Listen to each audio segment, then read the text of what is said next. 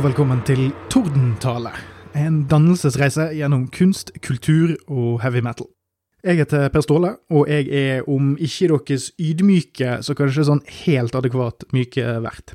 Tusen takk for at du har trykket på denne episoden, enten fordi at du kjenner meg fra sosiale medier, der jeg går under navnet Per Ståle Honning, på kontoen at Superståle, eller fra min andre podkast med det ekstremt råe navnet Podkast om rus, eller om du bare har snublet over meg ute i dette helveteslandskapet som kalles internett. Så, hva er dette her for noe? Som tittelen, eller undertittelen, indikerer, så er dette et program som tar for seg de varmere og mer intrikate delene av livet. For de av dere som ikke vet så mye om meg fra før av, og det kan jo godt hende at det ikke er spesielt mange som vet, så er jeg en mann med dyp interesse for det som ligger rett nord for mainstreamen. Jeg liker det man kan kalle lower art. Tungrock, heavy metal, action, sci-fi-filmer, B-filmer, dårlige TV-serier og tilknyttede subsjangre i både litteratur og tegneserie og dataspill og det som er. Dette her er noe jeg har levd godt med og nytt godt av i mange år. Jeg trives veldig godt med å fordype meg i disse tingene, og har levd et fullt liv sånn sett. Men jo eldre man blir, så merker man at ved å ha fordypet seg såpass mye i ting som andre har ignorert, og noen ganger med rette, så har man jo òg da gått glipp av en slags allmenndannelse. Jeg har ikke lest Shakespeare siden videregående, jeg har aldri sett en Bergman-film, og jeg har et nærmere forhold til hunden Beethoven enn til komponisten Beethoven. Og det har jeg lyst til å gjøre noe med. Man har jo lyst til å være dannet. Jeg vil ta igjen det tapte. Og vi kan si at dette programmet her er et forsøk fra min side på å prøve å lære mer om det ordentlige voksne mennesker skal bry seg om. Og så vil jeg da, på den andre siden, prøve å dra andre voksne ned på mitt nivå.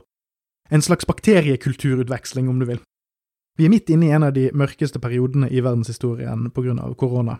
Og vi får ikke snakket like mye over bordet med hverandre som vi pleide, og jeg brenner for mine greier, og jeg vil gjerne snakke og diskutere og analysere de tingene jeg bryr meg om, men det får jeg ikke gjort med andre mennesker face to face lenger. Men dette programmet her blir et slags substitutt for det. Håper jeg. Annenhver episode så kommer jeg til å snakke om noe jeg liker. Og annenhver gang skal jeg snakke om noe jeg har sett, hørt eller lest for første gang, som er en smule mer høykultur. I begge tilfellene så er det snakk om filmer, TV-serier, musikk, kanskje tegneserier, og kanskje til og med bøker, men det blir nok litt sjeldnere enn de andre kategoriene på grunn av tidsbruken. Disse episodene kan du se på som uh, Per Ståles uh, skattkiste, der uh, jeg, Per Ståle, prøver å kommunisere til vilt fremmede mennesker over internett hvorfor en litt underkulturell greie er verdt tiden din, og hvorfor du kanskje burde prøve eller vurdere å sjekke det ut, eller kanskje jeg kan vekke interesse for mine greier der ute. Og hver andre episode blir at jeg prøver å hente inn igjen det tapte, det kunstneriske, det kulturelle. Dette deles opp i lavkulturepisode og dannelsesepisode. Noen ganger så skal jeg ha gjester istedenfor dannelsesepisode. Og da skal de få lov til å dele noe som de nerder like intenst over som det jeg gjør med mine greier. Og da skal jeg òg se, eller høre, eller sjekke ut den tingen de nerder over, og så skal vi diskutere litt sammen. Hva er det som gjør denne tingen unikt? Hva er det som gjør dette til en ting som engasjerer deg? Hva er det som gjør at du brenner for denne tingen? Hva er det som, som gjør at dette setter i gang deler av din hjerne som du liker å underholde og holde i gang? Og jeg håper at uh, dette er noe som kan føre til at jeg kan introdusere dere der ute for noe nytt, men samtidig så jeg kan lære noe nytt og endelig bli en voksen en person som kan delta i salongdiskusjoner, hvor enn det måtte befinne seg, eller hva det er, jeg er ikke helt sikker. Denne episoden ble spilt inn før jeg bestemte meg for å dele opp dette her i to forskjellige episoder. Eh, opprinnelig var tanken at jeg skulle ha to temaer for hver episode, altså en B-greie som jeg liker, og en eh, dannelsesting som jeg prøver å sjekke ut, men det ble litt mye jobb, og jeg merker òg at episodene blir ganske lange. Så for alles del så kommer dette til å bli delt opp. Så det blir annenhver gang. Annenhver uke så blir det lavkultur, annenhver uke blir det høykultur. Så lenge disse episodene kjører. Og denne episoden ble spilt inn før jeg bestemte meg for å gjøre det, eh, så derfor kan det være noen referanse til samme episode eller noe sånt som ikke henger helt på greip. Til slutt så har jeg lyst til å takke Andreas Kantor, som er komponisten bak den ekstremt råe introen eh, vi hadde på dette programmet her. Sjekk ut bandet hans Brådypt, og han er en ekstremt talentfull eh, musiker, og spesielt gitarist, og han tar òg oppdrag til barnebursdager. Dersom dere liker det dere hører, lik og del, uansett hvor kleint det føles for meg å si det. Det hadde vært hyggelig. Vi har òg en uh, egen Twitter-konto som heter attordentalepod, uh, og det går òg an å like oss på Facebook. Og Grunnen til det er fordi at jeg er åpen for innspill og diskusjon så fremt det går noenlunde for seg. For all del, jeg oppfordret til å ta kontakt med forslag til tema, eller ting som kan tas opp, eller ting som det har vært morsomt å diskutere eller høre om. Så det er mm, jeg ser frem til Jeg vet ikke hvordan dette kommer til å utarte seg, det er første episode, men eh, som sagt, det hadde vært gøy å se om eh, det er flere som får lyst til å snakke om sine litt sånne egne greier som de nerder litt om. Eh, så det hadde vært gøy. Så, hva er det vi skal snakke om i dag? De som kjenner meg fra andre kanaler, blir nok ikke så veldig overrasket over hva som er første verk ut her, men det får nå så være. Det første vi skal snakke om i aller første episode av Tordentale, er debutalbumet til yndlingsbandet mitt, Manowar. Og jeg skal ikke snakke så mye mer, nå skal jeg rett og slett bare trykke play på det jeg allerede har linet opp her, og så får dere bare se om dere liker hva dere hører. Bare hold dere fast og heng på. Ok, denne her går ut til alle mine pyse- og posere. Nei, men altså, eh, kort og godt, uh, Manowar er faktisk yndlingsbandet mitt, og det er Det et band som har vært med meg eh, hele livet, og jeg tenker sånn, når konseptet mitt nå en gang er at jeg skal prøve å dele litt av min ukultur, og så skal jeg prøve å reintegreres med resten av samfunnet med å ta til meg høykultur som jeg tidligere har ignorert, eller enten gjennom ren barnslig ignoranse eller med villet ignoranse, så er det viktig å kanskje starte med det som er viktigst for meg, og det er Manwar. Fordi jeg kan snakke om Manwar i årevis, og ideelt sett så hadde denne podkasten bare handlet om Manwar. Men jeg tenker det er kanskje et litt begrenset norsk eller skandinavisk publikum for den slags, så da tenker jeg vi veksler litt på det, men da skal dere faen meg få jevne drypper, da, og da må vi jammen meg begynne med Battle Hymns. Battle Hymns ble sluppet i 7.6.1982. Eh, Dette skal ikke være en sånn type podkast der vi graver oss ned i detaljene og blir sånn helt mega-nerds, men vi er nødt til å ha en viss sånn uh, timeline her som vi kan forholde oss til. 1982. Det kom ut en del andre plater det året der, og jeg tenker sånn de, de mest uh, åpenbare kandidatene, for, liksom, bare for å sette oss litt inn i hva slags uh, heavy metal-landskap som eksisterte i 1982. så kan jeg gå gjennom det i min prioriterte og tilsynelatende liten uh, alfabetisk rekkefølge. Anvil sin Metal on Metal-plate kom ut. Det er jo egentlig den eneste platen som Anvil noensinne ga ut som er ja, verdt å huske for noe som helst, og det, jeg syns det er en ganske trash-plate. De lagde et par bedre etterpå. Men igjen, uh, så kommer Harry Maiden sin Number of the Beast kom ut. Judas Priest sin Screaming for Vengeance. Begge de er jo uh, bautaer i 80's Heavy. Kiss slapp sin grovt undervurderte Creatures of the Night-album. Den kommer vi tilbake igjen til I, i, år, eller neste år en eller annen gang, skal jeg i hvert fall kjøre en fulltimer om bare hvor jævla rått det albumet er. Motorhead slapp Iron Fist, helt greit album for min del. Eh, Saxon sin, eh, sitt livealbum eh, The Eagle Has Landed Live. Scorpions slapp sitt Blackout-album. Scorpions er vel kanskje det største arenabandet på denne tiden her. Eller de er vel kanskje på vei opp. Det er vel de og Priest som kanskje er de de som trekker flest folk på dette tidspunktet. Så har du Venom sin black metal, som uh, startet mye shit, og så har du Virgin Steel sin, Virgin, sin debutplate. Jeg vil jo si at forresten, altså sånn, sånn rent innstegs vil jeg jo si at Venom sin black metal-plate og eh, Manowar sine fire første plater har ganske god innflytelse på en del av de folkene som skal ende opp med å starte opp skandinavisk og senere norsk black metal, men det må noen andre nerder enn meg snakke om, for det er faktisk litt kjedelig å snakke om black metal. Ikke si det til noen nå, det er bare mellom oss. Men black metal er litt kjedelig. Um, det er mye gøyere med innoljede muskelmenn som synger om slåssing og sånn. He-Man for voksne. Men altså, en av grunnene til at jeg starter med Battle Hymn, så at jeg egentlig ikke snakker om et eller annet Manwar-album, er jo det at dette er jo kanskje det, det er kanskje min personlige favoritt av de albumene de har lagd, fordi uh, mitt forhold til Manwar er ganske langstrukket og innfløkt og weird.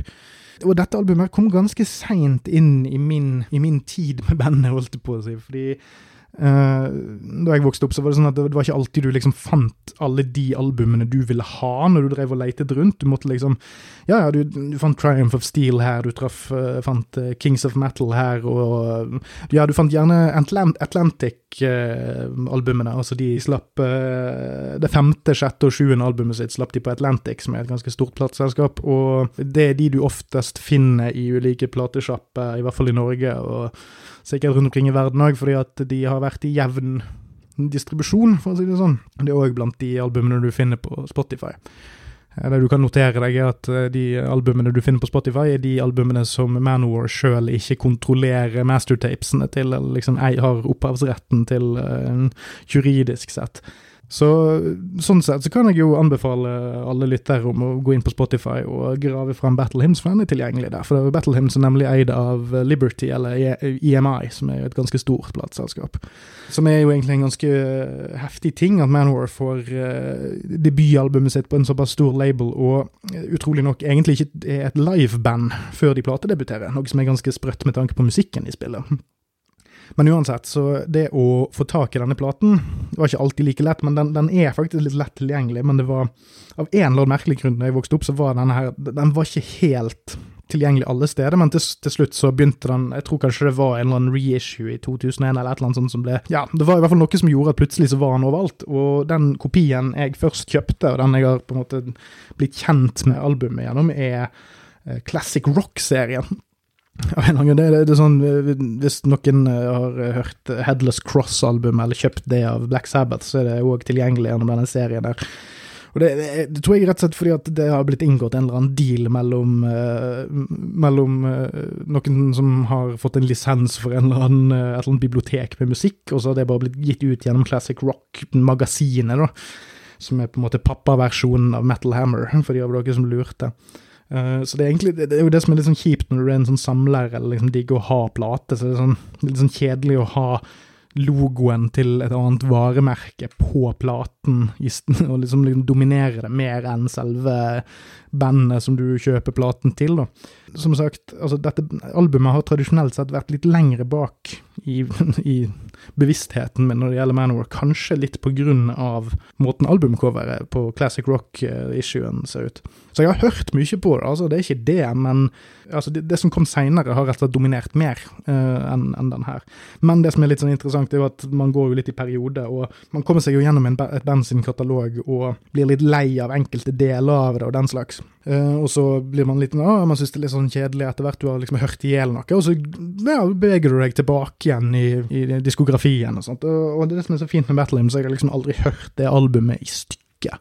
Uh, jeg har hørt andre Manowar-album i stykket, Kings of Metal, Warriors of the World og sånn. Det er veldig lett og tilgjengelig musikk som på en måte du, du, du får et kick av bare med å trykke play, mens og det er ikke sånn at jeg vil si at eh, Battle Hymns nødvendigvis er et ekstremt komplisert verk som gjør, krever veldig mye av hjernen din når du setter det på, men det er en litt annen type musikk som ikke er like, hva skal jeg si, radiovennlig.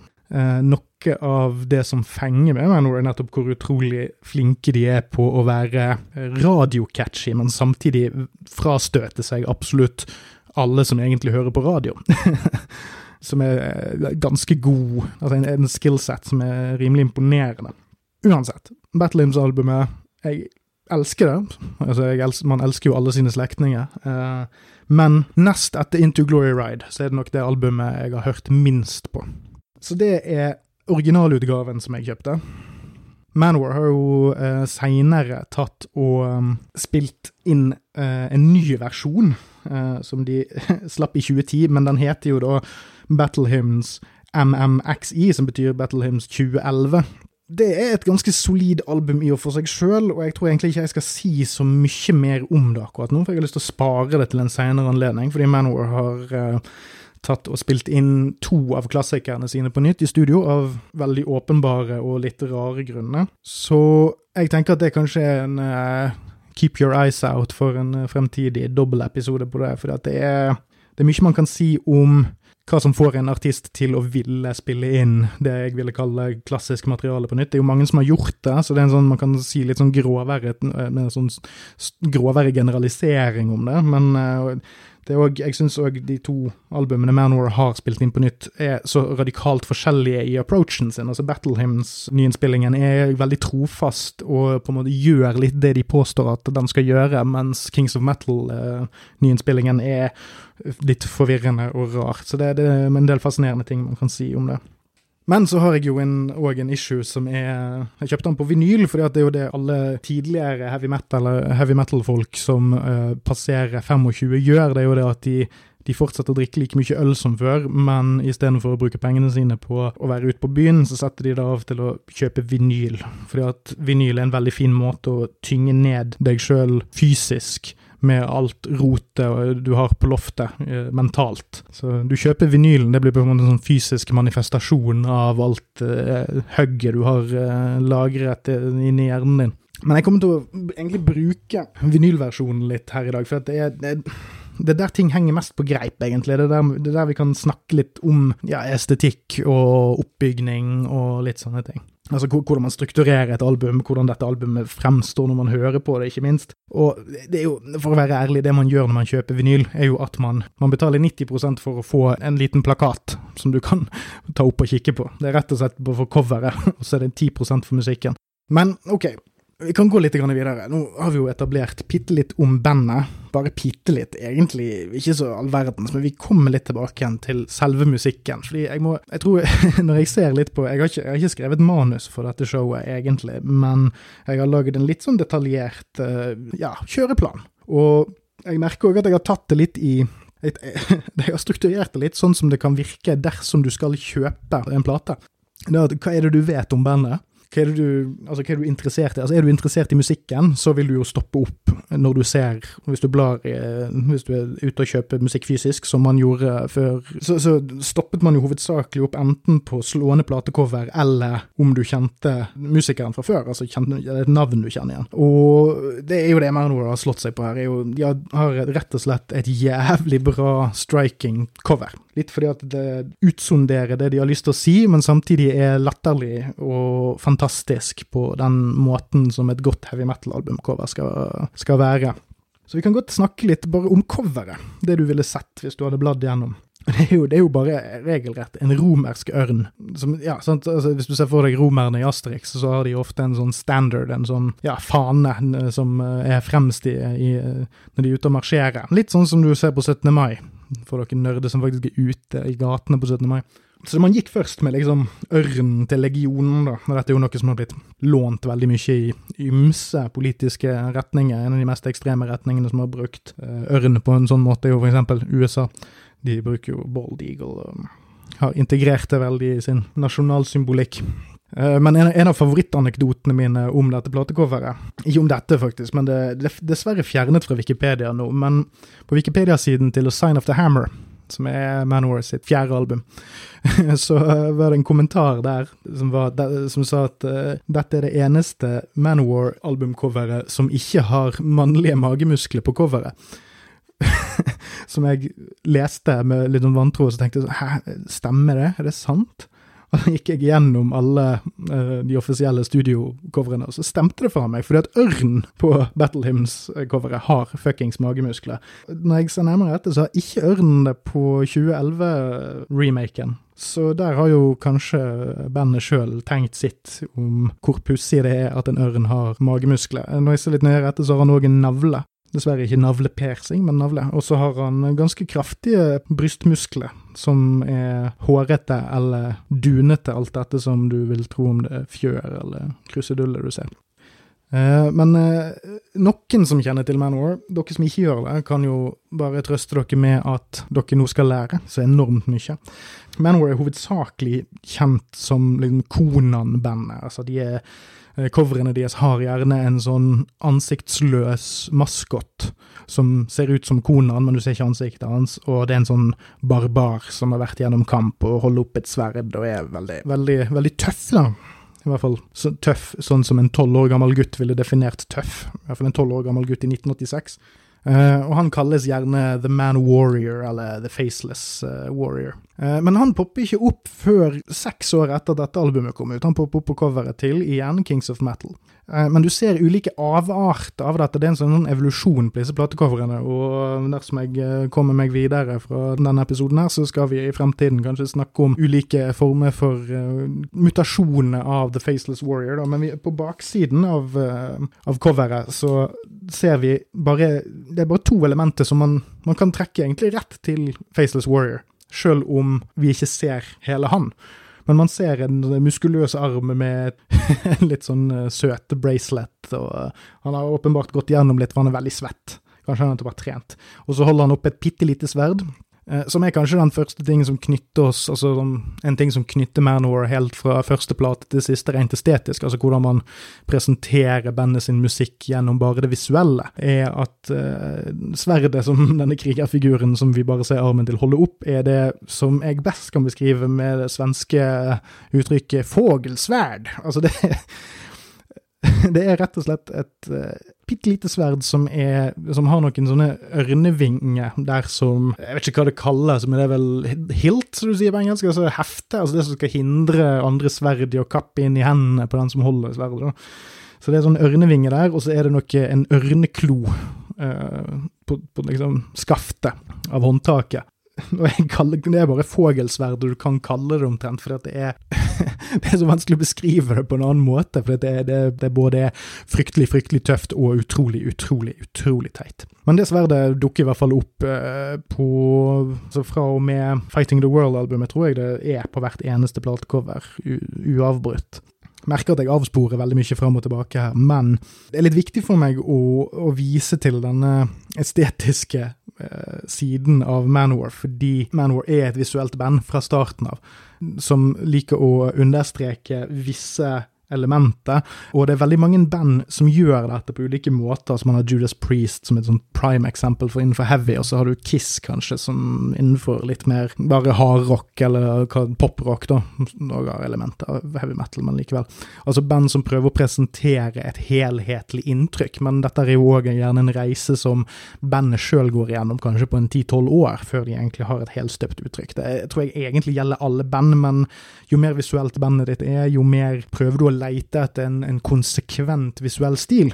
Og det mener jeg at Manwar sleit litt med. De startet veldig konsist på platecoveret sitt med hvordan de kom til å fremstå seinere, men så uh, switchet de uh, på de neste albumcoverene og ble, var litt sånn Klarte ikke å være helt konsise, og så etter hvert fant de en, en sånn helhetlig uh, stil som de har holdt på helt siden 1987. Ok, 1982, Battle Hymns. hvem er Manwar? På dette tidspunktet her så har du grunnleggerne Joey og Ross. Joey DeMayo var pyroteknikeren og bassteknikeren, eller lydteknikeren, det spørs litt på hvem som forteller historien og når, men han var på turné med Black Sabbath. Han kjente Ronny James Dio, som vi alle kjenner litt, grann, og han som senere ble da gitarteknikeren til Manowar, eh, var med på turné i England, og på den turneen så var Ross the Boss og hans band eh, Shaken Street oppvarming. Joey og Ross traff hverandre på den turneen og bestemte seg for å lage et band sammen. I den grad Manwar har uh, en retning, så er det Joey som har presset på dem fra starten av. Det er han som skriver tekstene, det er han som insisterer på uh, så å si alt som gjør Manwar til et, et særegent og sært og veldig, veldig, veldig pussig band. Men han er òg en, en dyrkdreven bassist, unik bassist, vil jeg si, eh, og en eh, han er, han er, det man kaller driven. Han, er, han lar seg ikke stoppe spesielt mye. Uh, så har du Ross the Boss, som var den mest erfarne musikeren i bandet, vil jeg si. Alle i bandet har vel egentlig vært journeyman musicians i New York-området, så vidt jeg vet, men uh, Ross the Boss hadde jo vært med i The Dictators, som var et sånn protopunk-band med litt sånn rockelementer som har kultstatus. Uh, han har i hvert fall blitt gitt ut på en del album før. Han har fått ting, ting på plass. Han har klart å, han har fått gitt ut offisielle utgivelser som folk faktisk har hørt på. Det er jo det som er forskjellen. Rosterboss eh, er for min del en, eh, en, del av kjernen av hvorfor Manowar fungerer så bra på de første albumene. At de, at de høres så bra ut som de gjør. Eh, det som er litt unikt med Battle Hymns, som vi nå vender tilbake til for åttende gang, er at dette er det Manor-albumet der Ross the Boss, som da er bandets eneste gitarist, og dermed da òg lead-gitarist, det er det eneste det er det albumet der han har flest writing credits, fordi det står at all songs by Ross the Boss and Joey DeMayo except where indicated, så da er det bare to låter der Joey DeMayo er satt opp uh, som eneste writer på, mens det kommer til å synke sakte, men sikkert etter hvert som 80-tallet går videre. På uh, oppfølgeralbumet Into Glory Ride så er bare Ross the Boss ført opp på to sanger med writing credits. Det samme gjelder Hail to England, der har han òg bare to writing credits. På Sign of the Hammer så har han én writing credit. Fighting the World har han ingen, og på Kings of Metal, hans aller siste album med bandet, der har han òg bare to writing credits, men det er òg da noen av de største klassikerne til bandet, som er Kings of Metal og Hail and Kill. Men uavhengig av dette, jeg tror man kunne diskutert seg til man må blå i trynet om hvordan sånne credits fungerer, fordi når jeg hører på dette albumet, så hører jeg definitivt at Ross the Boss har hatt en enorm innflytelse på sounden, og har vært, med, vært, mer delaktig på mange måter enn han kanskje har vært på de neste fem albumene. På måten låtene blir bygd opp på, men man hører et så drastisk skifte etter at han slutter i bandet, at jeg går ikke med på at han ikke påvirket sjøl de uh, låtene han ikke har writing credits på. Fordi det er noen som har påpekt det at uh, når folk vinner Grammys nå for tiden, så kommer det opp uh, 800 folk på scenen for å ta imot Grammyen, fordi det er så mange som er credited på låtene. Ta en random poplåt, så er det sånn tolv folk som er credited. Men det er òg fordi at i dag, i motsetning til f.eks. 80-tallet, så er det har faktisk en del folk litt bedre rettighet til hvordan de blir oppført. Så at, at, at, bidrag som blir gjort i studio, kanskje blir Men at, at, man har litt mer respekt for bidragene folk gjør, som ikke bare er å skrive teksten eller å strukturere låten, men òg at man bemerker seg at ja, men i helvete, her var det faktisk en eller annen ting du gjorde her. Å ja, den fraseringen der, eller den, den synkoperingen, eller hva faen du skal kalle det. At det, var, det tilførte noe unikt. Du får en writing credit, derfor får du, uh, får du mer av royaltiesene for albumsalget. Men det vet vi ikke er tilfellet på 80-tallet. Det, er jo ghost artists up the ass på så ekstremt mange album. Det kom ut bare nylig at uh, herregud, uh, Ian Hill i Judas Priest spiller ikke bass på Painkiller-albumet engang. Det er Don Airy som nå er um, keyboardisten til uh, Deep Purple. Det er han som spiller bass på et midi-keyboard på Painkiller-albumet. Er ikke det ganske absurd? Men jeg vil uansett si at Ross the Boss, bare for å av, avslutte den biten om han, ekstremt undervurdert gitarist. Manowar var aldri helt det samme etter han forsvant. Han har en egen timber, en egen approach til gitarspilling som er unikt, som er både ekstremt metal, men samtidig veldig rock, veldig klassisk rock, veldig bluesy, men uten at du noensinne føler at det er retro. På et eller annet merkelig vis. Det, det, det høres ut som en selvmotsigelse, men det er Sett på Battle Hymns og hør med meg her. Det er noe umiskjennelig kjent med det albumet, uten at det på noe tidspunkt høres ut som noe du har hørt før. Jeg må snakke om Eric Adams. Eric Adams er òg en uh, journeyman, holdt jeg på å si. Han har, han har kjent Joe DeMaio siden barndommen. Har, på en podkast nylig så snakket de om at de har kjent hverandre faktisk siden de var 12-13 år gamle. Men uansett så har da Eric vært inn og ut i ulike band. Han har vært bar lokal barnestjerne. For at i USA, så er det sånn, i hvert fall i New York-området, så kan du Man kunne på en måte være ganske kjent for en ting, for et band, før i tiden. Uh, man kunne liksom tjene ganske gode penger på å bare være lokalkjent innenfor sånn the tri-state area, eller sånn kjøreavstand fra New York. Og Der var han med i et band som het The Kids, som senere ble Lux, tror jeg. Uh, og de, ifølge han på den podkasten, holdt de faen meg på i 15 år eller noe sånt med samme bandprosjekt. At de begynte som sånn lokale barnestjerner helt til de var sånn tidlig i 20-årene. Og jobbet mye med det. Uh, og så var han innom et par sånne ulike 70-tallsband, da, som er Harlequin, tror jeg, og så er det noe som heter Bible Black, om jeg ikke husker helt feil. Men han hadde i hvert fall sagt fuck no. Uh, han hadde på en måte brent seg på musikkbransjen uh, da Joey hadde hooket Ross til Boss. Da. Så når Joey kom og skulle ha han med på dette prosjektet, så sa han nei til han flere ganger. Det var bare sånn Nei, jeg, jeg, nå, jeg har kone og barn, jeg kan ikke drive og holde på med dette lenger. Jeg, det, jeg har brent meg for mange ganger på ulike prosjekter. Men så klarer faen meg Joey å overtale han, og det er så fantastisk at han klarte å overtale Eric Adams til å være med, fordi Manowar hadde ikke vært det samme bandet uten Eric.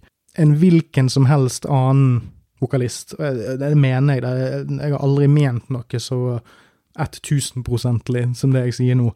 Med en annen vokalist så hadde denne platen og dette bandet vært dritt.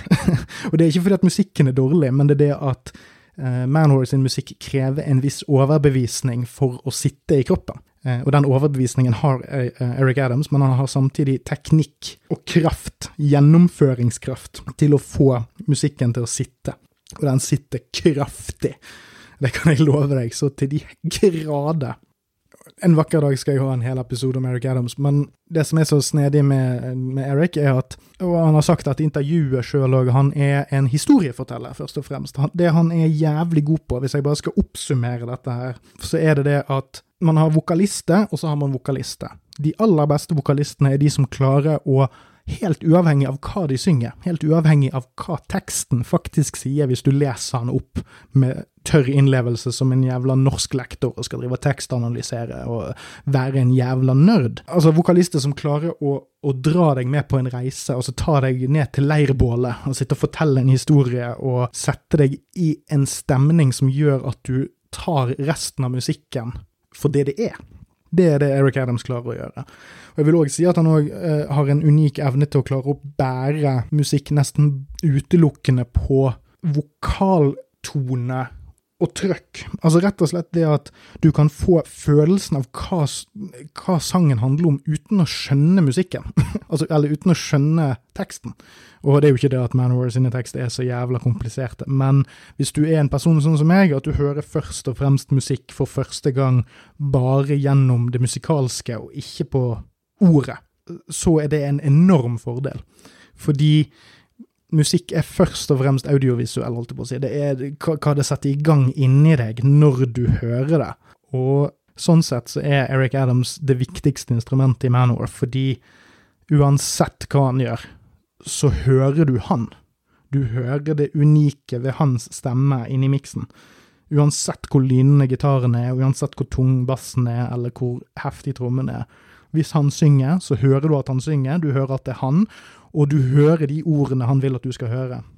Uh, han er min favoritt-metal-vokalist. Han er helt der oppe med legende, liksom. Uh, Ian Gillen, Rob Halford og Bruce Dickinson. Altså, jeg syns han er bedre enn alle de, faktisk. Hvis vi sammenligner de på sine peaks. altså Nå driter jeg i liksom hvor, hvor, hvor de er i sin karriere i dag, og hvor utslitt de er, men altså Mål de med sine peaks på sine styrker, så ville jeg gått i døden for Eric Adams any day of the week. Men det som er litt interessant, i hvert fall Manowar har hatt én definitiv trommis, han heter Scott Columbus. Men på første albumet så har de en keys som heter Donny Hamzik. Han er kjent fra band som Manowar og Manowar. Og that's it. Han er en eh, fascinerende type. Jeg skulle gjerne ha snakket med han en eller annen gang, altså, fordi uh, det er fascinerende hvordan han det, I 1982 han bor visstnok i Florida, eh, tror jeg, eh, så, og denne platen er spilt inn i Florida. Så for alt jeg vet, så har han bare blitt hanket inn kjapt, eller ikke, jeg vet ikke. Men han var i hvert fall en del av bandet på denne turneen og den, denne plateutgivelsen. Og så blir han byttet ut med Scott Columbus eh, fra og med oppfølgeralbumet Into Glory Ride. Og så er han vekke helt fram til Nå, nå, bom, nå kan denne bomme, men sånn 2008-2009, om jeg bommer på et år der, fra eller til, så er det, det var rundt 2009 i hvert fall. Uh, så kom han inn igjen i bandet. Han, spiller, han er i hvert fall oppført på uh, Thunder in the Sky, EP-en som kom ut i 2009. Men da kommer han inn igjen i bandet, og han er med på han er med på Thunder in the Sky, Kings of Metal 2014 og The Lord of Steel og ymse turneer. Eh, og så blir han plutselig byttet ut igjen eh, på Final Battle-turneen. I hvert fall første del av Final Battle-turneen. Den var jo i hvert fall i to runder. As we speak, det kan godt hende han er på runde Final Battle leg 4 uh, i år 2030 når du hører på denne podkasten i fremtiden. Og man fikk aldri noen forklaring på hvorfor han forsvant ut av bandet noen av gangene. Og det er liksom Et av mine store Manowar-mysterier er bare mannen Donny Hamsick. Mannen, myten, legenden, sexhaveren. Fascinerende type. Uh, på uh, demoene de spilte inn i 81, uh, så brukte de en dude som het Carl Kennedy på tromme. Uh, han er jo et litt sånn interessant uh, bispor, da, fordi um, han var med i et band som het The Rods. Jeg har ikke hørt så mye på dem, men de er jo i hvert fall kjent nok til at de er verdt å nevne. Og så har han òg blitt produsent. han har produsert Anthrax, Armed and Dangerous og Sparing the Disease. han har produsert Exciter, og han produserte platedebuten til et av mine andre favorittband, som òg er fra Amerikas østkyst, eh, som er New Jersey-gjengen i Overkill. Sitt, eh, de sitt debutalbum Feel the Fire. Så stay tuned for Feel the Fire, for fytti helvete for en plate. Fytti helvete for et band. Åh, jeg elsker Overkill. Anyways. Ja, jeg nevnte jo demoene kort. Det, det er i hvert fall, om jeg ikke husker helt feil, så det er en demo fra 81 med selve Battle Hymns-låten og Shellshock. Uh, som er ganske close til det som ender opp på albumet med noen små endringer. Det er rett og slett et produksjonsspørsmål, egentlig. Men den siste detouren vi skal ha før vi kommer til selve poenget, er en liten sak om at manageren som fikk og skaff, altså som hjalp Manwar med å få platekontrakt, og som på en måte var med å i hvert fall etablere de før de siden jeg da nevnte det at Manowar er et band som gjør det solid med plater, altså de er ikke et turnéband, de, de, får gitt ut plate på et, en respektert label før de egentlig har bevist noe som helst. Uh, og det tror jeg skjer delvis på grunn av Ross the Boss sine connections, altså det at han allerede er en fyr som er litt inne i den litt mer, altså om ikke upper echelons of uh, the business, så er han i hvert fall en fyr som vet litt hvordan man får kontakt med folk. Og det at manageren deres på dette tidspunktet var Bill O'Coin, som var mannen som skaffet Kiss platekontrakt på én måned i 1973, var det det? Kiss er jo òg et band som ikke spilte på langt nær like mye live som det man har trodd at de gjorde, før de òg fikk platekontrakt. Kanskje òg delvis litt pga. samme fyr, og uh, det at uh, Gene Simmons og Paul Stanley hadde hatt, i hvert fall nesten gitt ut en plate, før de var med, før de startet opp Kiss. Så men Bill O'Coin er i hvert fall fyren som hjalp Kiss til å bli Kiss. Og det er noe man kan se i Manowar sin karriere, er at han på mange måter har visse parallelle med Kiss, og jeg vil si at i noen tilfeller så gjør Manwar Kiss bedre enn sjøl Kiss. Min lille fanteori, det jeg håper på, jeg vet ikke, men da Bill O'Coin var manageren til Kiss, så hadde han en samboer som het Sean Delaney, som på mange vis har blitt omtalt som Kiss sitt femte medlem. Sean Delaney var en ekstremt viktig del av utformingen av scenetilstedeværelsen til Kiss, og han hjalp de mye med hvordan de burde se ut, hva slags moves de gjorde på scenen, og litt sånne ting. Jeg tror ikke Bill O'Coin hadde noe med Bill, eh, Sean Delaney å gjøre på denne tiden, men jeg tror kanskje han hadde plukket opp en del ting. Kanskje, dette er bare min lille fanteori, men at han kanskje hadde plukket opp noen av de tingene, pakket det litt sånn bak i, bak i husken, når de holdt på liksom, å, å forme Kiss for den store, liksom Nå skal vi erobre Amerika-strategien. Fordi Manowar har òg et veldig bold stage presence. De, på denne tiden her så gikk de i litt sånn skinnklær og altså, I løpet av noen år i hvert fall så begynte de å gå i sånn Konan-skinnfelle og lendeklede og sånn. Jeg tror kanskje de hadde Jeg husker ikke helt hva de hadde sånn helt i starten, men det var kanskje en sånn mellomting mellom det og litt sånn her eh, Litt sånn her fetish, uh, assless chaps, uh, biker Bleiket biker gear, kvitt, ja, whatever. Eh, så uansett, det er ikke sånn at Kiss og Manor er like sånn sett, men de er, de er, i hvert fall band som begge liksom etablerer seg på veldig kraftige visuelle uttrykk, både på covers og på, på scenen. Og jeg tror òg, fordi hvis du ser på måten Manwar spiller musikken sin live, så har de noen sånne scenemoves som har vært til stede i hvert fall siden 80-tallet, men jeg er ikke en av de som ser så ekstremt mye på internett-bootlegs. Men det er noen moves du kan se på f.eks. Manwar-sangen, som den de ofte åpner konsertene sine med, og Kings of Metal-sangen, og en del andre sanger. Så har Manwar noen sånne innøvde moves med litt sånn gitarslenging, og Joey DeMayo har en sånn knyttneve som han peker mot publikum mens han spiller, og så slenger de med gitarene, og har noen sånne koordinerte moves som minner veldig om ting som eh, Kiss f.eks. gjør på Deuce. Og det, det mistenker jeg er noe som Bill O'Coin hjelper de med, eller i hvert fall kanskje foreslår. Jeg vet rett og slett ikke. Men det er, jeg, jeg kunne snakket i timevis om parallellene mellom Kiss og Manor. Uh, for det er et så rikt vel med uh, gode og dårlige ideer som begge disse bandene her har gjort gjennom hele sine karriere. Men OK, Battle Hymns, platen. Nå skal vi omsider snakke om det. Ok, men da begynner vi med den aller første sangen, som er den fantastiske Death Tone. Altså, Den begynner med en motorsykkel som uh, rever opp, og det er, det, er, det er, så utrolig oppsummerende for denne platen, og det som på en måte skal være kjernedelen av Manwar sin identitet fremover. Det er denne liksom biker-estetikken. Det er noe de kommer til å forlate, men det er liksom I heavy metal så har man alltid en viss biker-estetikk som man har lånt, eller man enten låner man skinnjakkene derifra, eller så låner man en sånn badass attitude, eller sant, du tar, tar motorsykkelen til Rob Halford som han kjører på scenen med Judas Priest. Altså, det er rå muskelkraft, bare at det er mekanisk. Det er en motorsykkel. Deathtone er basically en sang som handler om en burnout. En Vietnam-veteran som bare hater verden fordi at verden hater han, og han kjører rundt på sykkelen sin og sier 'fuck deg'. Men en av de mest eh, slående tingene, og det var det jeg var inne på i sted med Rosterboss, er at denne låten her starter med et riff som på en måte er så kjent. Du har på en måte hørt det.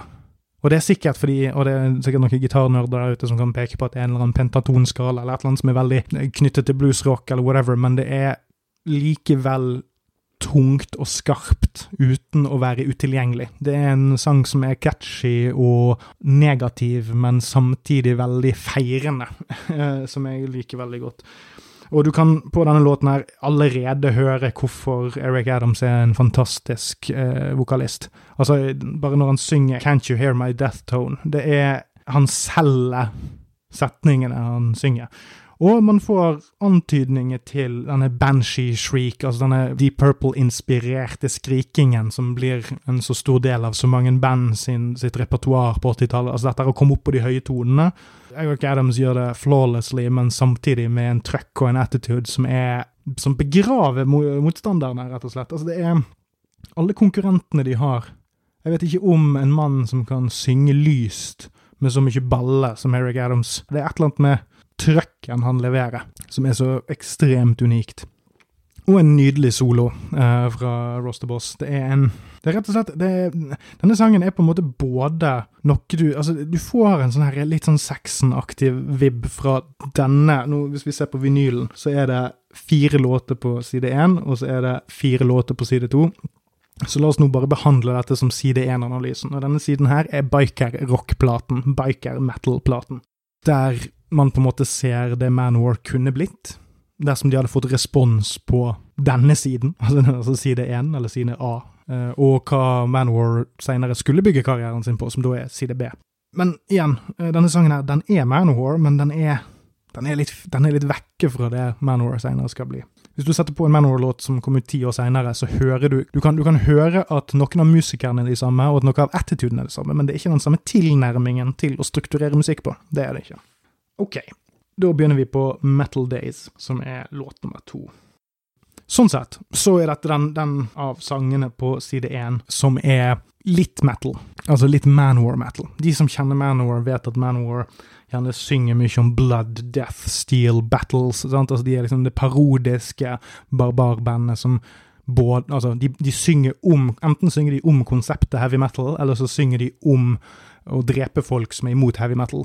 Uh, og så bruker de kanskje litt sånn Tore Odin, uh, norrøn mytologi, uh, fantasy imagery for å selge det, da.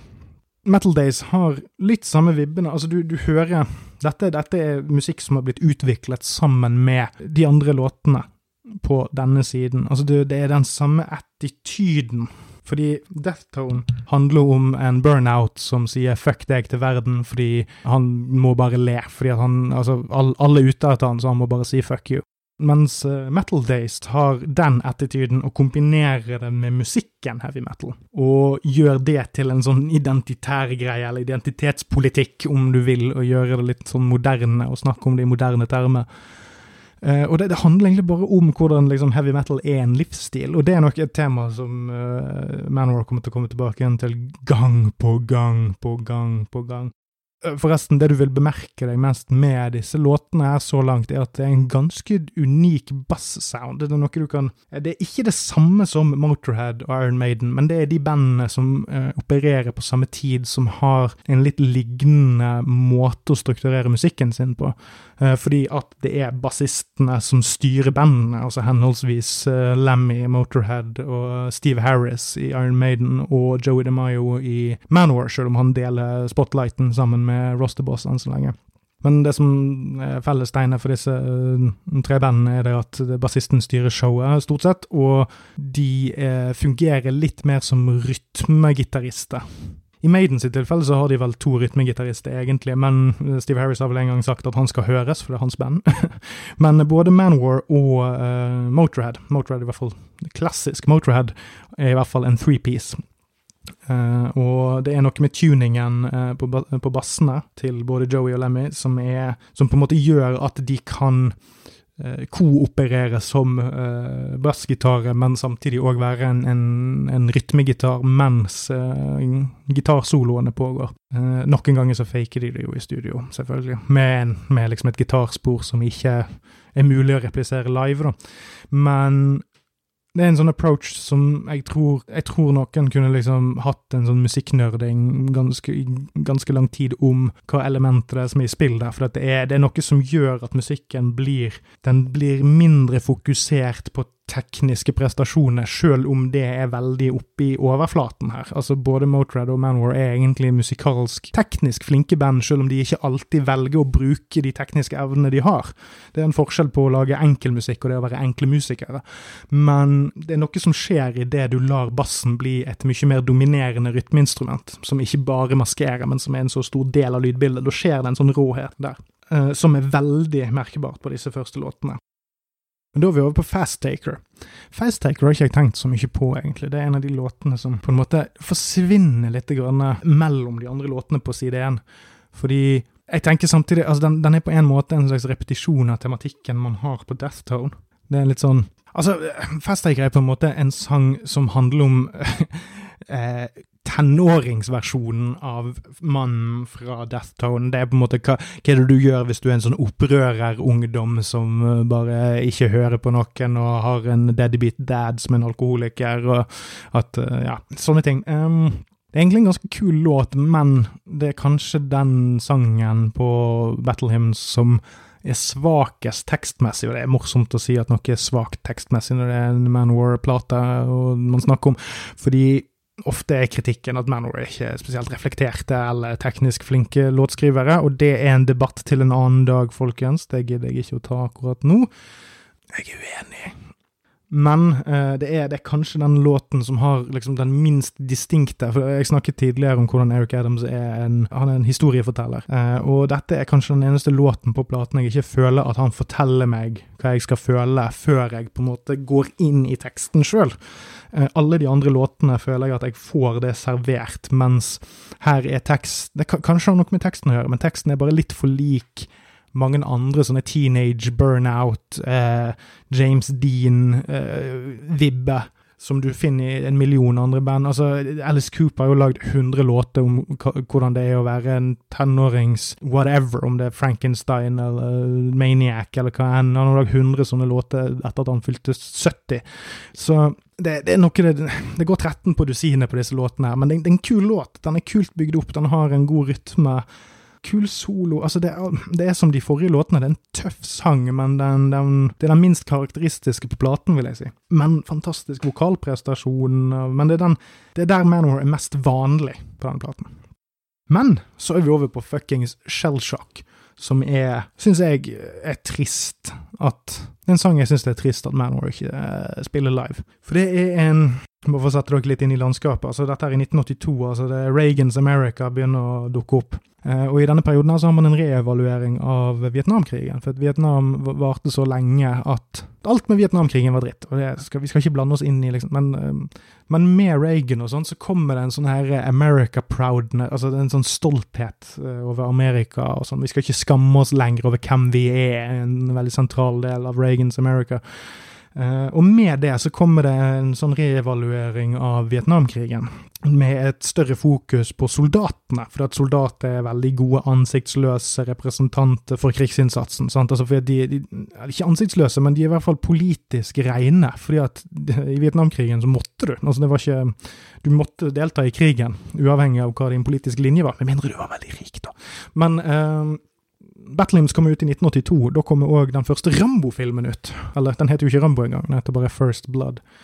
Uh, og hvis du ser First Blood, så er det òg egentlig en Vet du hva, First Blood og Shell Shock er egentlig gode companion pieces. Jeg tror du kunne lagd en ganske god YouTube-musikkvideo med bruk bare av videoklipp fra First Blood, sammen med denne låten. Fordi Shell Shock handler om en det, egentlig, det handler om Rambo, basically. Eh, det handler ikke om at han klikker sånn som han gjør i Rambo 1, da, eller i First Blood, men det er en sang om en fyr som Den liksom, den, den er det nærmeste du kommer en ballade på dette albumet her, men den, det er fremdeles en rask låt med rock and roll edge og biker-vibbe og hele pakken. Det er ikke det, uh, men det er denne følelsen av Altså, det er en, en, soldat som har kommet hjem fra krig, Vietnam. Uh, han har opplevd sjuke ting, han har det ikke bra, det går ikke bra på Altså, han er mentalt lost. Uh, han føler seg som en taper, han kan ikke holde en jobb, liksom. Og det er nesten sånn bit for bit hvordan du ser Rambo fremstille sin egen skjebne i First Blood. Uh, og det, det, er så pussig, for jeg, jeg, nekter å tro at Joey DeMayo hadde sjanse til å få sett First Blood før de spilte inn den her. Vet du hva, nå skal jeg sjekke. First Blood kom ut 22.10.1982 altså flere måneder etter at Battle Hymns eh, ble sluppet, og enda flere måneder siden eh, Battle Hymns faktisk eh, ble spilt inn. Så det sier ikke så rent lite om hvordan Ja, altså hvor, hvor, hvor stor del av liksom, debattlandskapet i USA denne tematikken her var, da. At, at såpass mye popkultur Og nå, nå, har jeg bare nevnt to eksempler. Det, det, er en film med Gene Hackman som jeg ikke kommer på i farten, som òg kommer ut rundt denne tiden, her, om ikke det er et år eller to senere men veldig mye med en sånn lost cause. At Vietnam er liksom det Det var en mulighet for å gjøre noe riktig, men så fikk de ikke helt lov, og så sviktet vi soldatene våre, et eller annet sånt. Det er det nærmeste Manwar egentlig kommer å noensinne Jo, nei, vet du hva, det det er et par, to-tre låter, fire kanskje, seinere, som kan måle seg sånn på seriøsitetsskalaen, da. Eh, der de, der de, våger seg innom uh, litt ekte følelser og ting som har med den virkelige verden og den liksom, uten, vel, uten, så mye symbol, stor mengde symboltunge metaforer og sånt som de bruker. Det, det, et par ganger til, men det er uhyre sjeldent at Manwar er såpass jordnære som de er på denne låten. her. Uh, og det er òg en av de beste låtene på denne platen. Jeg syns den er en somber affære. Det er et eller annet med vokalen til Eric Adams igjen. Altså, han, han klarer å formidle en tyngde og en, en slags sånn resignasjon gjennom denne låten som jeg synes er prisverdig. Jeg synes det er synd at de ikke spiller den live oftere. Jeg tror jeg har hørt de spille han live på 2010-2011-turneen, men eh, jeg har ikke hørt den i sett eh, verken før eller siden. Og i så fall så er det bare på very special occasions, som på en av Magic Circle-festivalene, der de spilte eh, alle 80-tallsplatene over to kvelder. Og som er synd. Som er, en flott, flott låt. Men da, mine damer og herrer, da snur vi vinylplaten over fra side én, som nå er ferdig, vekk med biker-rock Manowar og så snur vi over til side to, der vi begynner med Manowar. Manowar. Eller Biker Rock, Manowar, Manowar, Manowar. Av de tre versjonene jeg eier av dette albumet, her, så er vinylen den jeg kjøpte sist. Men det som er så kjekt med å kjøpe vinyl, er at plutselig så begynner du å skjønne hvorfor eh, låtstrukturen, altså, altså, rekkefølgen på låtene, er lagt opp på den måten som det er. Og det er det at noen ganger så er side én og side to tilknyttet hverandre i litt sånn ulike måter. Og jeg lurer på om Manowar tenkte i sin tid at Hei, hva om vi setter de mest tilgjengelige låtene våre, de som ligner mest på andre ting, de putter vi på side én, sånn at det første du setter på, det blir på en måte en sånn noe som minner om litt andre greier. Dette er en sånn first taste is free-greie, der du ja, du, å, ja, men dette Han kjører motorsykkel og hater staten og hater å være traumatisert og sånn. Ja, men det, det kjenner vi fra litt, eh, litt andre rockelåter og litt sånn strømninger vi har hatt de siste 10-15 årene. Men første låt på side to er Manor. Der som hvis, hvis side én av Battle Hymn skulle liksom gitt lytteren et ærlig inntrykk av hva dette bandet egentlig handler om, så hadde side to vært side én. Eller hele albumet ville vært som side to. For igjen, lydbildemessig så er det det samme bandet. Det er, det er konsekvent. Du hører at er, låtene er utviklet i det samme liksom, kreative miljøet, og at det er de, liksom, ja, de samme bidragsyterne som på en måte har vært med å drive dette her. Men fytti helvete for en tematisk endring, fordi at side to er på en måte der det tar en switch fra samfunnskritikk på en litt sånn eh, videregående tekstanalysemåte til et episk metallverk eh, med sterke fantasy-elementer. Og det er bare det at de begynner med en skrytesang. Jeg elsker skrytesanger. Altså der, der bandet på en måte eh, sier hvem de er, og hva liksom som er de sitt etos, og jeg elsker det. Men uansett, Manwar er bare rett og slett en gjengivelse av bandet sin egen mytologi frem til dette punktet, som egentlig bare er noen, eh, noen måneder og uker. Det er vel kanskje et år eller to, hvis du, hvis du skal være veldig streng. Men denne låten her har åpnet så å si hver eneste konsert Manwar noensinne har hatt, kanskje med noen hederlige unntak som jeg ikke vil kommentere, for jeg er ikke, verken, jeg er ikke gammel eller gal nok til å gå i dybden der. Men dette er en monumental låt, og den er så tøff og rå. Den refererer til liksom skapelsesmyten til bandet. Starter med, med, linjen 'We met on English ground in the backstage room, we heard the sound'. Og så handler resten av sangen om at Manowar bare måtte lage den musikken de har lagd nå, og som de presterer å vise fram uh, i dette produktet her. Og, og, bare erklære sin intent, altså sin, eh, sitt purpose, uh, om, om, du var, om, du var, sånn mindfulness-kommunikasjonsveileder det, det, er en krigserklæring. Det er rett og slett en erklæring av hvor jævlig rå de er, eh, hvor mange levels of ass de kommer til å sparke, og at de kommer til å eksistere for evig tid. Eh, som er Her kommer vi litt tilbake til, disse elementene av hvordan Manwar er Kiss bedre enn det Kiss kunne være.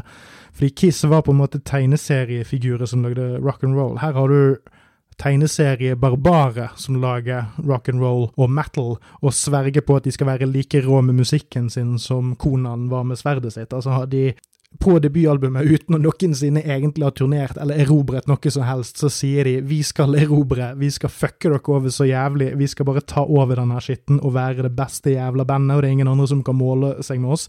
Sånn sett så er det jo sikkert en del rappartister som uh, sitter, sitter og nikker anerkjennende til denne typen retorikk alle fans av ben. Det er både barnslig og fantastisk på samme tid. Det er kanskje fantastisk nettopp fordi at det er så jævlig barnslig. En fantastisk flawless solo fra Ross the Boss her. En taktfast, intens, rå basslinje fra Joe DeMayo. Fantastiske vokalprestasjoner fra Eric Adams, og ganske gode trommer fra Donny Hemsek. La meg ikke glemme det oppi alt dette. Ja, at Donny Hemsek gjør en jævlig god figur på dette albumet. Jeg er ikke egentlig liksom en, en, en trommislytter, egentlig, men det er sånn, hører du på dette albumet, du hører liksom at det er en del sånne detaljer, noen små fills her og der, noen toucher med en uh, stikke på en high-hat, eller hva det der kalles, disse symbolene. Han har en kul groove som passer jævlig godt inn med basspillet, og som gjør at gitaren er rå og tøff. Men her, denne låten, Manowar av Manowar er den mest Manwar-låten som er på debutplaten. Fordi det er her Manwar slutter å være historiefortellere, altså at de forteller andre sin historie. Det er her Manwar starter å fortelle sin egen historie, som de skal fortsette å fortelle på hver eneste plate, og nesten hver eneste sangfølelse som her og fra og ut. Men denne låten her er der Manowar forteller til lytteren at vi er noe eget. Vi er, et, vi er en mytologi, vi er en kraft. Vi er nok, en, ikke bare en kreativ, men vi er en ustoppelig kraft som kommer til å dundre videre og bli med og herje med oss, kjære lytter, fordi at Hvorfor ikke? Det er gøy. Det er gøy å være her vi er. Kom og bli med oss. Bli med oss og være rå. Bli med oss og være Manowar. Det er mye gøyere å være Manowar enn noen andre, så kom og lån litt energi av oss, please. Og det kommer aldri til å stoppe. Sier de i hvert fall.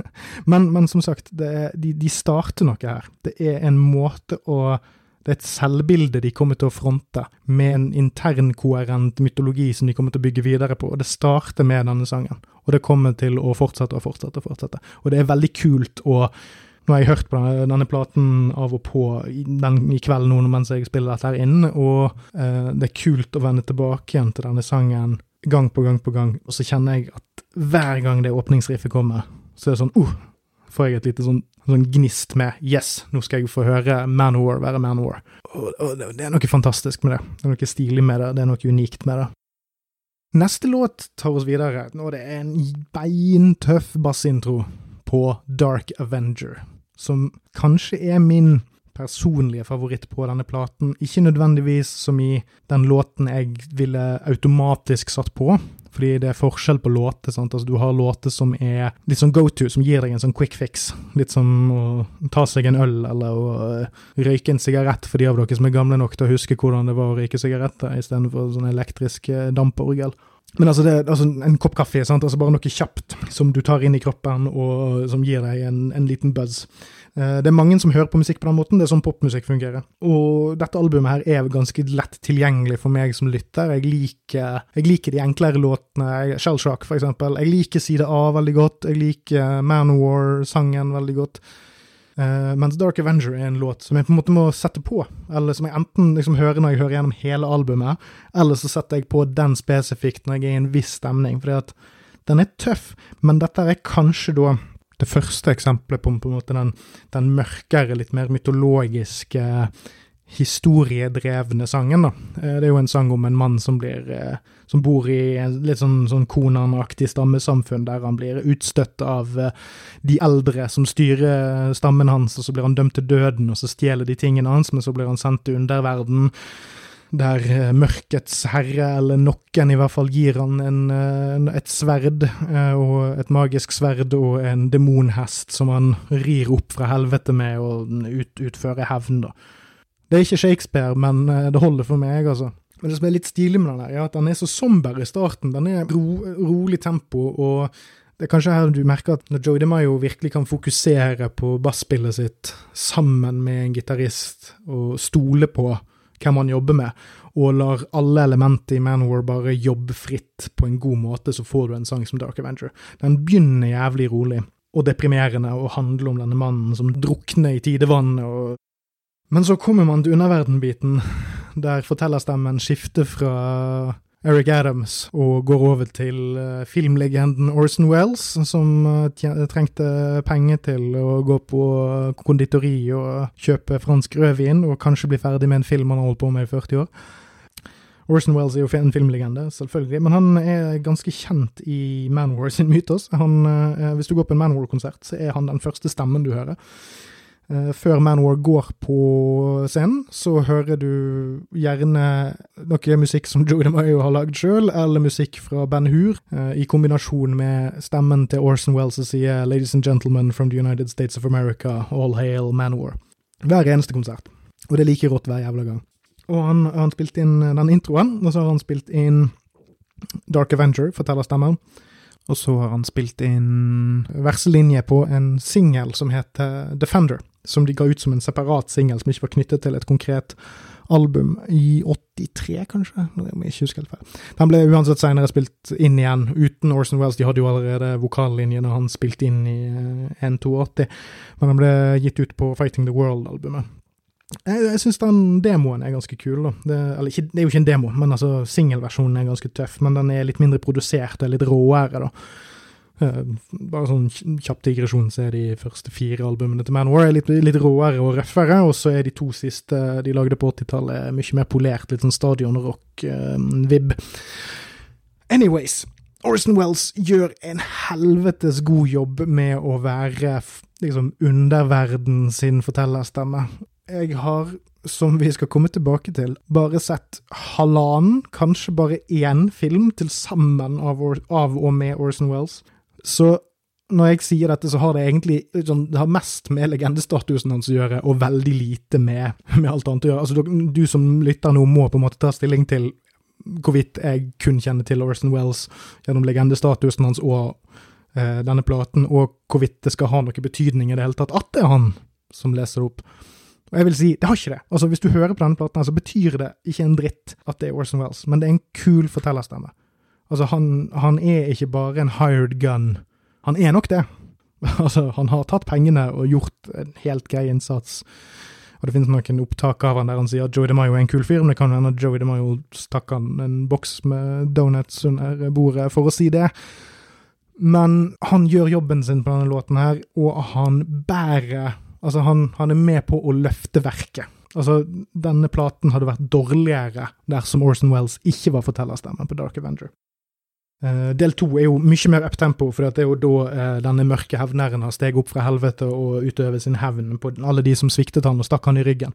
Som igjen kanskje sier noe litt sånn psykososialt om uh, den, det forfølgelsesvanviddet som enkelte av tekstforfatterne til Manwar kanskje opplever fra tid til annen, av uante grunner, kanskje.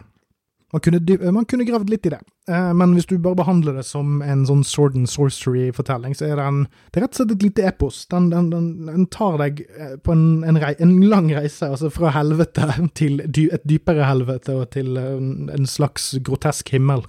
Uh, hvis du bare lar deg forføre av sangen. For jeg, jeg, vet at dette ikke er for alle. Det håper jeg virkelig har fremstått som ganske klokkeklart for alle som hører på denne podkasten, at jeg vet at dette ikke er for alle. Dette er bare mitt håp om at jeg kan klare å vekke glede for noe, eller gjøre noen interessert i noe de aldri hadde tenkt over at de kunne finne glede i.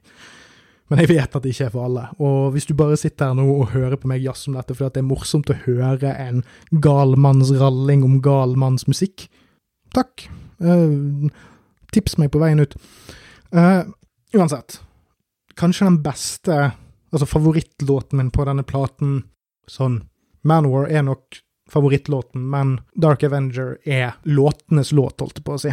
Manowar har lagd noen ganske sånne episke Sword and Sorcery-låter, eh, eh, og Dark Avenger troner helt på toppen der. Det er, det er rett og slett et solid verk i sin sjanger. Uh, og jeg vet egentlig ikke om spesielt mange andre metal-band eller metal-sanger som har klart å fange den råheten ved uh, barbari som jeg syns den sangen her gjør, uh, basically. Men da er vi over på en annen stayer, fordi Joey DeMaio sine bassoloer. Hvis du går på en Manowar-konsert, eller hvis du hører en Manowar-plate fra 80-tallet, så vil du stifte bekjentskap med Joey DeMaio sine bassoloer. Og de varierer mellom uh, Joey DeMaio tolker et klassisk verk, som da på um, dette albumet er Williams Tale, som er en reorkestrering av Wilhelm Tell-overtyren, som egentlig er en, uh, en klassisk uh, melodi fra en opera det er en overtyre til en opera som er orkestrert av en dude som heter uh, Giacchino Rossini, eller et eller annet sånt drit. Eh, dere betaler meg ikke nok for å lære meg å uttale hvordan det skal sies. Men altså, de aller fleste har hørt dette her. Det er, det er en sånn låt, Den er vel egentlig mest kjent for dette temamusikken til The Lone Ranger. Men uansett, det er den som går sånn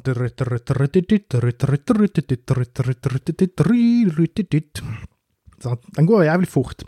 Uh, og det Joe DeMayo klarer å bevise på denne tråden her, er, eller denne melodien her, er at han kan spille bass jævlig fort, uh, og han er teknisk flink. Det skulle sies, det at Joe DeMayo har to modus operandi. Det er enten at han covrer noe klassisk, som han gjør her, eller med Humlens flukt, som han gjør på Kings of Metal-albumet. Eller så har han en sånn freestyle støymusikk-variant som han kjører på Sign of the Hammer og på uh, Hail to England-albumene med Thunderpick og Black Arrows. Som er bare teknisk gode stykker, men de er veldig støyete og plagsomme. Og det, det er òg det som er tilfellet med Jonah Moe sine bassolo live, er at det er støyete og plagsomt, men det er, det er en del av pakken, folkens. Det er noe vi er nødt til å leve med. Det er noe som tilfører noe, og det, ikke minst så fyller det opp tid, fordi det gjør at du kan si at et album er et album og ikke bare en EP, eksempel. Ikke det at det er tilfellet på noen av Manowar sine plater, men uh, de er på rett side av 30-minutterslinjen. Men uh, det er hårfint noen ganger, jeg tror disse bassoloene til Joey DeMaio er med på å bidra sterkt til det. Eh, men igjen, det er teknisk bra og sånt, men jeg var mer imponert av dette her da jeg var tenåring, og det var veldig viktig for meg å på en måte bevise til omverdenen at musikerne jeg likte, var de beste til ting. Da var det veldig greit å dra fram sånne låter som dette her og si 'hør så kjapt bassisten kan spille', hør, hør hvor flink han er. Men altså, etter hvert som YouTube liksom vokser fram som en ting, og det å bli kjent med at verden er ganske liten, sånn, det er alltid noen som er flinkere. Så det å knytte så mye identitet som band, eller som fan, opp til at folk er flinke til en ting, er alltid dumt. Altså, det er bedre, altså, hva er det du kommuniserer, er egentlig litt viktigere enn hva det er du presterer, eh, rent teknisk, spør du meg. Og igjen, det er en, en kul låt, men det er ikke Jeg har aldri satt på en Joey DeMayo bassololåt for å nyte musikk. Det er ofte bare pukk og fyllmasse. Men da, da er vi ferdig med Da er vi ferdig med Joey DeMayo sin sololåt, og vi er over på selveste kransepølsen. Siste låt på side to, sangen Battle Hymn. Som er en fantastisk avslutning av litt, litt forskjellige vis. Jeg vil jo da på den ene siden si at Det er langt ifra alltid jeg syns at det er bra å begrave tittelkuttet så langt bak på platen som dette her, men det er en så Når man hører på platen i sekvens, så hører du hvorfor. Har du hørt denne platen ferdig til dette punktet her, så er du med. Altså, hvis du har likt platen jevnt og trutt, og vært med på reisen som Manwar på en måte har prøvd å få deg med på, og ankomme endestasjonen, siste kutt, Battle Hymn, så er dette her bare det som Det er, det er teppet fra The Big Lebowski. Det er det som knytter rommet sammen. Det er det som gjør at alt du har hørt nå, sitter som et skudd. Eh, ikke bare kombinere det side én med side to. Altså, du, det er fremdeles den samme sounden fra side én, men nå brukes den 100 til et stykke fantasy-epos. Men det den òg gjør, er at den knytter sammen de foregående to låtene, som ikke er bassoloen til Jodie Mayo fra side to. Den knytter sammen Manwar-sangen og Dark Avenger. På den måten at dette her er en sang som handler om å ri ut i kamp. Og knuse fiendene sine, og, og ja, herje med, med, sverd og chains og bare være awesome. Uh, det begynner jo med en ganske rolig bassintro igjen. Så igjen så trekker det fram dette kule samspillet mellom bassgitaren og leadgitaren der bassgitaren får lov til å liksom sette anslaget, og sologitaren kommer inn og liksom låne eh, oppbygning. Men eh, den som har fulgt litt med på analysen min så langt, i den grad du kan kalle det en analyse, så er det det at her kombineres Dark Avenger og Manowar-sangene. Her synger Manowar et epos om seg sjøl, egentlig. De synger om Manowar som er ute for å drepe og myrde in battle, men de sier det aldri høyt. De sier ikke 'vi er Manowar og skal ut og slåss'. De bare synger om at nå skal ikke vi undertrykkes lenger, nå skal vi uh, kjempe for frihet. Men det de egentlig synger om, er jo nå skal vi som liker heavy metal, og til syvende og sist Manowar, kjempe for det vi elsker, som er Manowar og heavy metal. Nå, nå, blir jeg kanskje litt sånn stormannsgal både på mine egne og andres vegne, men det er faktisk genialt. Hører du dette albumet i sekvens, så er dette ganske åpenbart. Men jeg, jeg, vil uansett si at det er genialt, fordi som jeg sa i sted, har du vært med så lenge, så har du kjøpt du har kjøpt det. det er, liker du Battle Hymns, så har du blitt primet til å digge denne låten her. Det er ganske mange som kan si til meg, eller andre Manowar-fans i at de liker en og annen ting, i hvert fall etter at de har snakket litt med en eller annen Manowar-fan som har satt på et eller annet, så kan de like, når de har blitt satt inn i tekstuniverset og liksom metaforene Selv om metaforene ikke er så tunge, så er det fremdeles metaforer, det er fremdeles lag av forståelse du finner inni, inni, inni her. Og den måten å på en måte forføre lytteren på den måten som dette bandet gjør på denne debutplaten, er Hvis ikke dette her er gjennomtenkt og planlagt, så er det desto mer genialt, fordi det vitner om at noen, den som tok disse avgjørelsene, om det var platekompaniet, eller om det var bandet, eller om det var Bill O'Coin, eller om det var Joey DeMayo, hvem enn det var som bestemte at bikerrocken havner på side én, Fantasy Epics på side to, og at Skrytesangen på side to kommer først. Så kommer fantasy-eposet, og så kommer fantasy-epos-sangen, der vi kombinerer låt én og låt to på side to sammen. Eh, til slutt, det er, det, det er et lite mesterverk, rett og slett. Komposisjonelt, vil jeg si. Ikke engang komponeringen av musikken, men bare måten du komponerer musikken i relasjon til seg sjøl etter at den er ferdig innspilt. Eh, og når det er sagt, for en sang. Den begynner rolig, og den har kraft. Eh, den har melodi. Eh, den har sinne, den har aggresjon.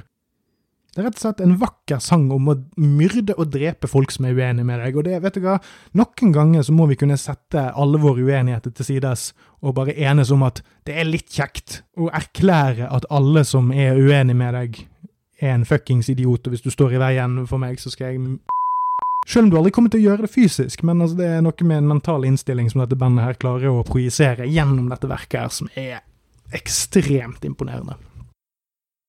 Nå har jeg rantet lenge, og jeg ser på tidslinjen min her at uansett hvor mye jeg kutter ned, så kommer det til å være en jævlig lang del én av en første episode. Og hvis dere har syntes at denne episoden her er bra, og har likt det dere har hørt, så sier jeg igjen tusen hjertelig takk, fordi del to kommer mest sannsynlig til å være mye, mye kortere. Men forhåpentligvis kommer jeg til å kanskje kunne uh, si noen ting i del to der jeg kanskje kan stille meg mer på lag med dere, da. Dere som ikke kan så mye om en ting. Fordi i del to skal jeg nemlig se en film som heter Citizen Kane. som er lagd av en, um, en slaskete boms som heter Or Ors Hva er det som står Ors, Orson Wells, ja. Uh, og det er visstnok en klassiker, uh, som handler om, om, om et kjelkeløp eller noe sånt.